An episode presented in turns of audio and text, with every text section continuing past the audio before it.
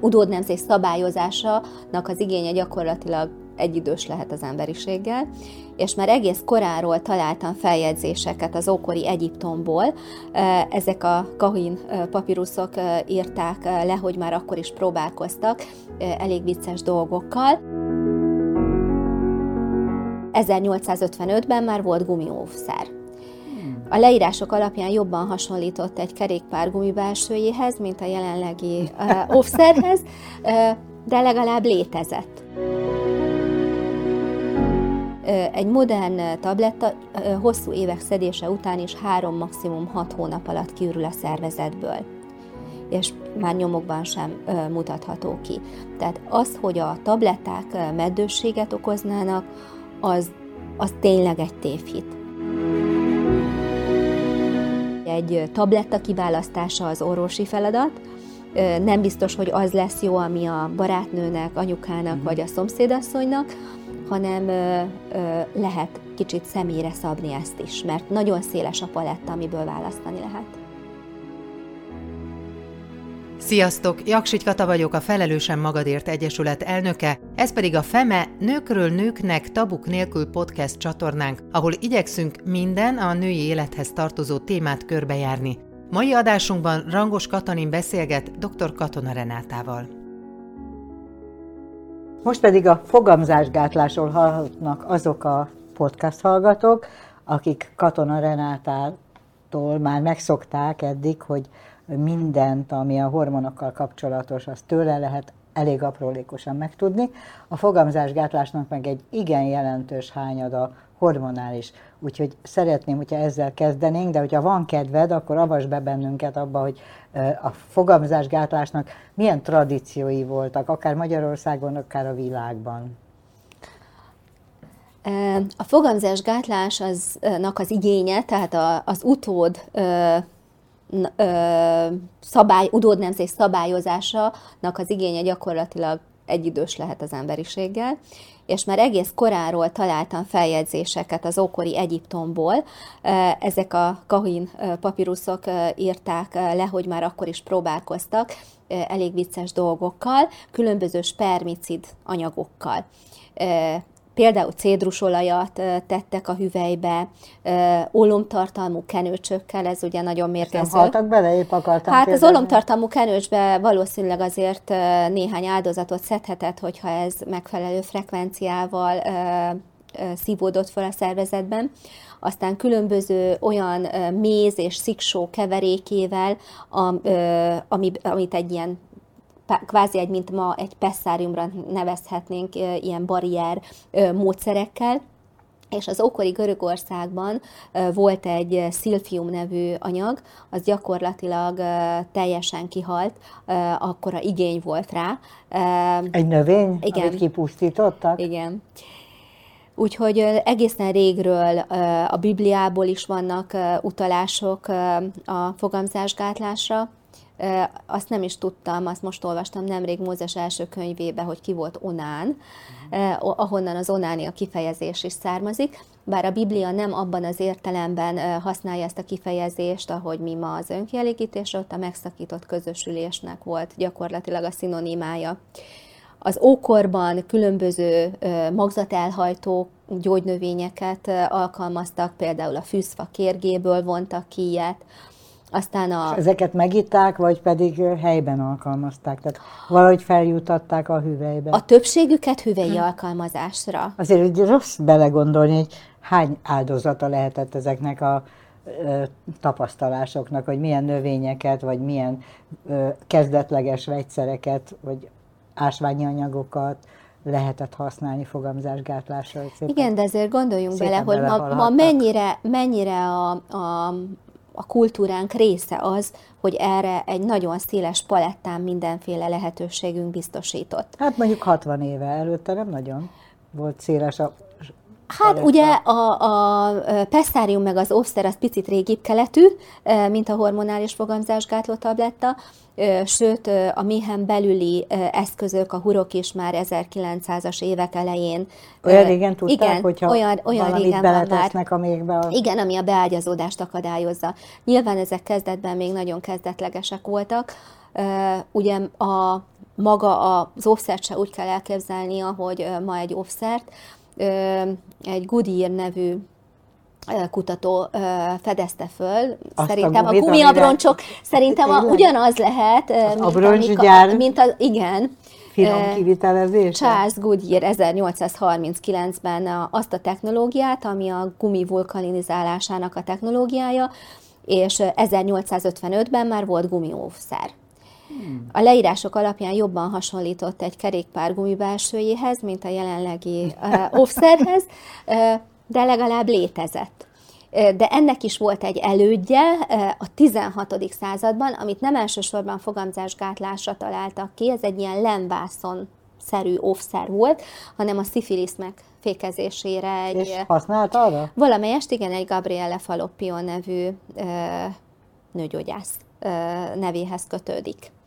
Úgyhogy voltak már 1800-ban is kezdeményezések, és aztán az 1900-as években jöttek az ilyen különböző fogamzásgátló szivacsok, és 1960-ban jelent meg ugye az USA-ban az első fogamzásgátló tabletta, ami nyomokban sem hasonlította a mostani modern fogamzásgátlókra.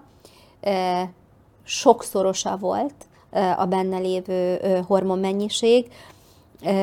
Enovidnak hívták az elsőt, hogy most összehasonlításképpen egy modern fogamzásgátló tablettában olyan 20 mikrogram etinilösztradiol van, ebben 150 volt.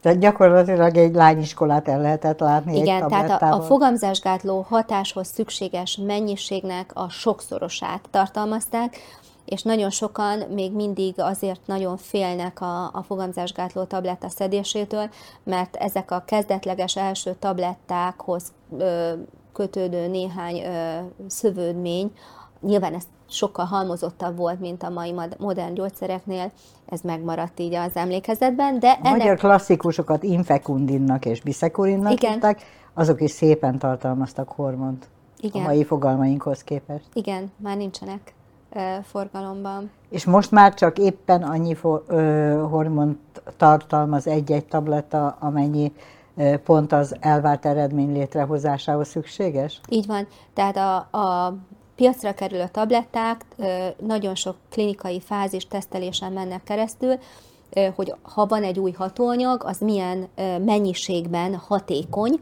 és nem csak a hatékonyságát, a cél, tehát a fogamzásgátlás irányában, hanem a mellékhatásokat is monitorizálják, és csak az kerülhet forgalomba, ahol a hatékonyság is bizonyított, és relatíve kevés mellékhatás spektrummal rendelkezik.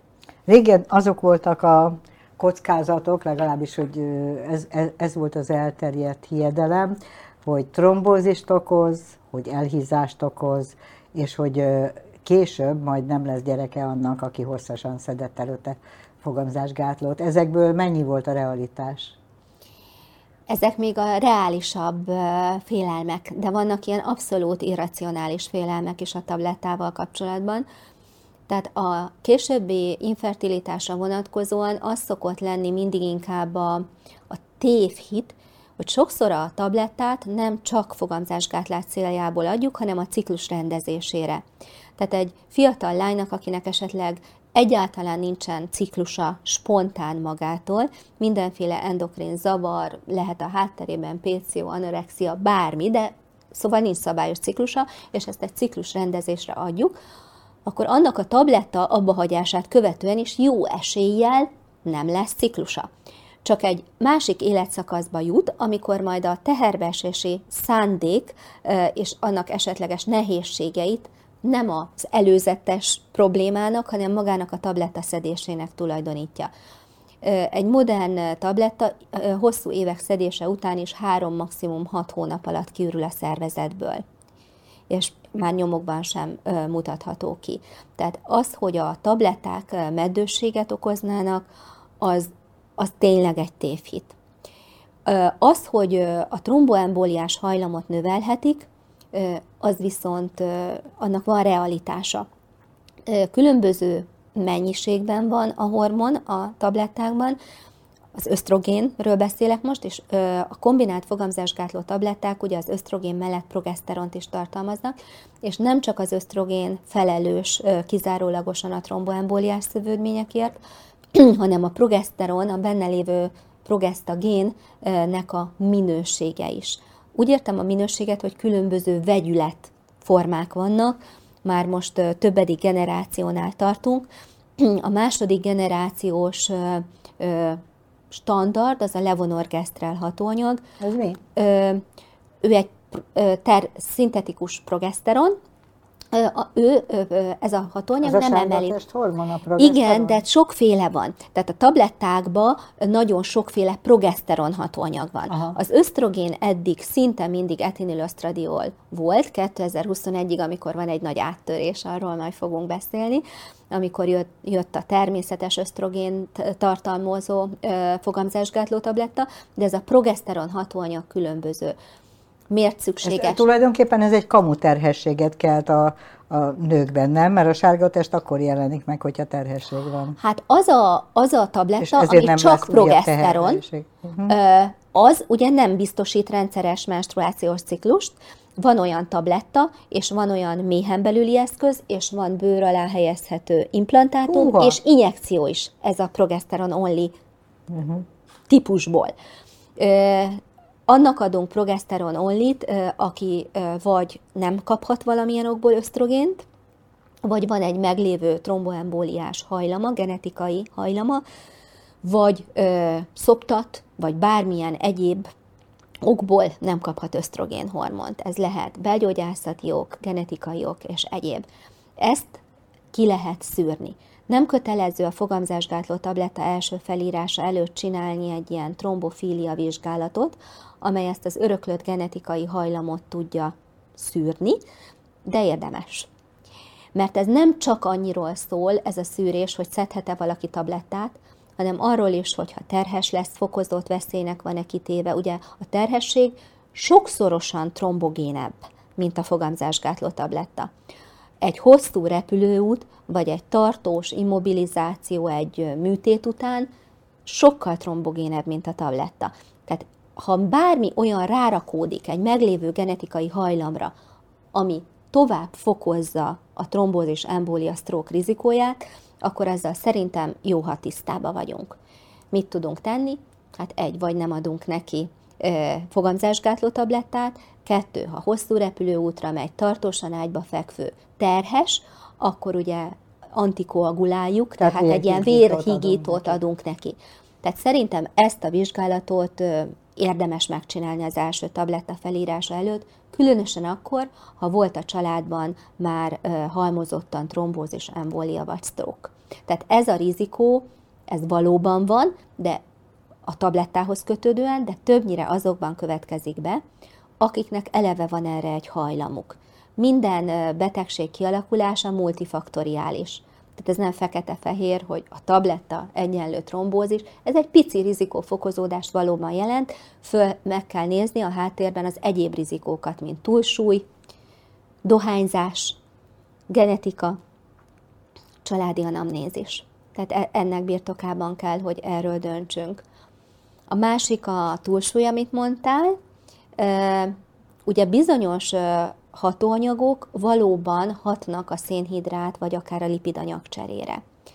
Esetleg a tabletta éhesebbé tehet, hogyha fokozza a szénhidrát éjségünket, és ennek a talaján a kalóriabevitel fokozódik, az egy idő után kalória többletként súlygyarapodásban fog megjelenni. De van olyan hatóanyag, ami nincs hatással az anyagcserére, tehát neutrális ebből a szempontból. Az a, az egész fogamzásgátlásnak a, a, az igazi kérdése, hogy ki tudja választani az illető, aki egy darabig nem akar gyereket, vagy már nem akar gyereket, mert szült, hogy mi az ő számára az ideális fogamzásgátlás.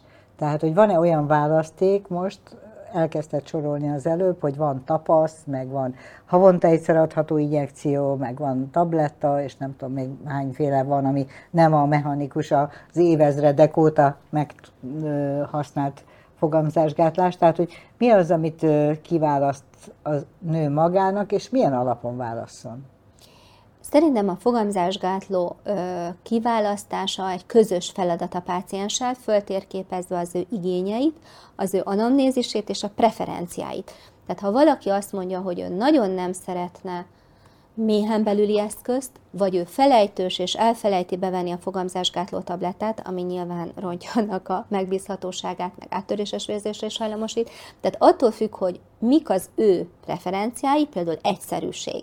Neki az a lényeg, hogy 5 évre legyen megbízható fogamzásgátlás, akkor neki a méhen belüli eszközt lehet ajánlani, és annak van mechanikai, meg van hormonos változata azzal nincs teendője, évente egyszer a szűrésen ellenőrizzük, megbízható fogamzásgátlást nyújt. De nem annyira kö- reverzibilis, de ez egy hosszabb távú. Ha valaki mondjuk azt gondolja, hogy egy év múlva már szeretnék babát, és csak egy rövid időre keresek fogamzásgátló módszert, akkor neki a tabletta ajánlható. Tehát, hogy ö, egyrészt az ő igénye, aztán az ő alkata, hormonstátusza, esetleges egyéb igénye, mint hogy tisztuljon le a bőre, hasson a hajhullás ellen, meg a szőrösödés ellen, Ezek ne hízzon tőle. Van olyan, amelyik hat. Minél antiandrogénebb, tehát férfi nemi hormon ellenes hatóanyag a benne lévő progesztagén, annál inkább hat a férfi nemi hormon túlsúlyos tünetek ellen. Tehát ezért gondolom azt, hogy, hogy egy tabletta kiválasztása az orvosi feladat, nem biztos, hogy az lesz jó, ami a barátnőnek, anyukának uh-huh. vagy a szomszédasszonynak, hanem ö, ö, lehet kicsit személyre szabni ezt is, mert nagyon széles a paletta, amiből választani lehet. És a tapasz, az például mire jó? Ö, vagy kinek jó? Én hát nagyon tudom, szeretem a tapaszt, mert ö, ö, ugye az egy tény, hogy a nők legalább 50%-a egy hónapban egyszer elfelejti bevenni a fogamzásgátló tablettát. Hmm. Vagy kihányta, ment a hasa, más gyógyszer egyidejű szedés esetén gyógyszerkölcsönhatás lépett föl, amikor ugye annak a megbízhatósága romlik. És annak való a, a tapaszt, a gyűrű, meg ezek az alternatív beviteli módok, aki például nem annyira uh, stabil szedő. Ezzel a compliance nagy mértékben lehet javítani, hogy nem nagyon kell vele törődni.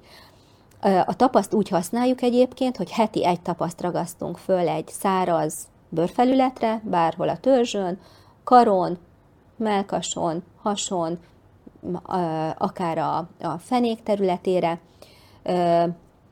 Nincs vele utána egy hétig tendő, rá egy hétre, tehát a 8, 15, 22. napon történik ugye a csere.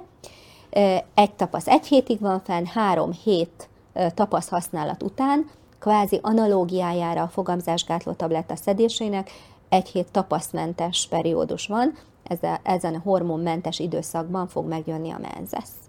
Te is nem ázik le, meg kényelmes ezt használni? Lehet úszni vele? Lehet úszni vele. Nagyon fontos, hogy amikor fölragasztjuk, akkor egy száraz bőrfelületre ragasztjuk föl, ne legyen testápoló rajta, és addig nyomva tartsuk a bőrünkön, ameddig a stabilan a szélei is nem tapadnak oda. De nem, nem szokott leázni a tapasz, és, és megbízható. fokozatosan adagolja a hatóanyagot? Igen. Ennek az a jó, hogy egy állandó, alacsony hormonszintet biztosít, míg ugye egy tablettánál, amit beveszünk, van egy csúcskoncentráció, aztán van egy lecsengő szint, aztán megint bevesszük, tehát ez egy nagyon stabil, kiegyensúlyozott vérszintet biztosít, ennél fogva megbízható is. Azt hiszem egyébként, hogy, hogy egy dolgot nem érintettünk még, az pedig a, a vadonatúj felfedezés, hogy nevezetesen ez az újfajta ösztrogén, ez mit tud, és honnan, honnan adódik, honnan származik, és mi a jelentősége a fogamzásgátlásban? Ez, ez nem új hatóanyag abban az értelemben, hogy a magzati máj termeli. Abban az értelemben új csak, hogy eddig fogamzásgátló tabletta természetes ösztrogénnel nem volt forgalomban. Egyébként Diszfalusi professzor úr nevéhez kötődik a, a, az esztetronnak a, a felfedezése, és ez még régre, 1965 körülre datálódik, de ahhoz, hogy ebből gyógyszer legyen, bizony eddig kellett várni. Tényleg, ez egy 65-ös felfedezés? Hát az maga a az esztetron beazonosítása, és hát utána különböző vizsgálatok történtek vele, és későbbiekben sikerült ezt a, a hatóanyagot gyógyszer formában kipróbálni, és mostanra jutottunk csak el oda, hogy ez forgalomba hozható. És ez a magzati máj által termelt hormon, ez valahogy stabilizálva van, és, és aztán úgy kerül bele a gyógyszerbe? Igen, ennek az a lényege, hogy kiküszöböli azokat a mellékhatásokat, és egyébként megoldja azokat a szövődményeket, félelmeket, amik általában sokakban a fogamzásgátló tabletta szedéséhez ja, amiről az előbb beszéltünk? Amiről az előzőleg beszéltünk. Trombózis, Tehát a tromboemboliás rizikó az valóban a harmadik, negyedik generációs progesztagéneknél jelentősebbé vált. Ez most a fogamzásgátló tabletták zöme ebbe a csoportba tartozik. És ez teljesen semleges ebből a szempontból. Aztán abból a szempontból is, hogy nem terheli a májat, tehát nagyon sok nőnél látunk lipidanyagcsere változásokat, májenzim szint emelkedést, nem csak fogamzásgátló tabletta, bármely májban metabolizálódó, bomló orális készítmények esetén. És ez még ebből a szempontból is nagyon előnyös, nem okoz emlődaganatot, és hát nagyon fognak örülni a hölgyek, mert a két retteget rizikó, hogy hízást okoz, és libidócsökkenést, az szintén nincs ennél a hatóanyagnál. Azt hittem a mellráktól szoktak aggódni, de ezek szerint a hízástól, a, hát, azt nem sikerült bebizonyítani, hál' Istennek, hogy a fogamzásgátló tabletták az emlőrák rizikóját jelentősen emelni. Az emlőrák nagyon sokféle, van genetikai alapú, van hormondependens, és van tripla negatív, nagyon sokféle emlődaganat van, de ez, ez nem bizonyított, hogy ez növelné a, a rizikót. De, ez, a, de ennél a hatóanyagnál meg biztosan nincs így. Igen, az utolsó kérdésem az az, hogy mit tapasztalsz, hogy mennyire edukálódik Magyarország fogalmazásgátlás és tervezett család építés szempontjából? Én azt gondolom, hogy a, a fogamzásgátláshoz való attitűd a fiatal, ma már internetről nagyon jól tájékozódó populációban nagyon jó, tehát amikor első fogamzásgátló tabletta felírásra jönnek a lányok, már nagyon sokat tudnak róla. Úgyhogy, és ez nagyon nagy változás az elmúlt húsz évhez képest. Amiben még nagyon nagy lemaradást látok, az inkább a, a fertilitáshoz kötődő ö, információk, tehát ott ö, majd fogunk beszélni a termékenységtudatosságról, azt, azt látom, hogy simán azt gondolják a 40-45 évesek, hogy nem késő, még a nagyon edukáltak is hajlamosak ezt gondolni. A fogamzásgátlással kapcsolatban elég reális tapasztalatokkal rendelkeznek, Ugye az első vizsgálatra sokszor édesanyja elkíséri a, a lányokat, anyukának sokkal több aggodalma van a, a fogamzásgátlószedéssel kapcsolatban, mint a, a fiatal generációnak, és nyitottak arra, hogy alternatívákat kipróbáljanak, hogy használják például a tapaszt, vagy a hüvelygyűrűt, nincsenek már olyan, olyan ellenérzések, amiket akár tizen évvel ezelőtt láttunk, hogy fél, félünk az ismeretlentől. Köszönöm szépen, és a, a következő témája a következő podcastnak az a baba vágyás, vagyis hogy mit tehetünk, hogyha gyereket szeretnénk, és mit vet, mi, miféle hormonális készlet áll rendelkezésre a gyerekszülésnek az elősegítésére.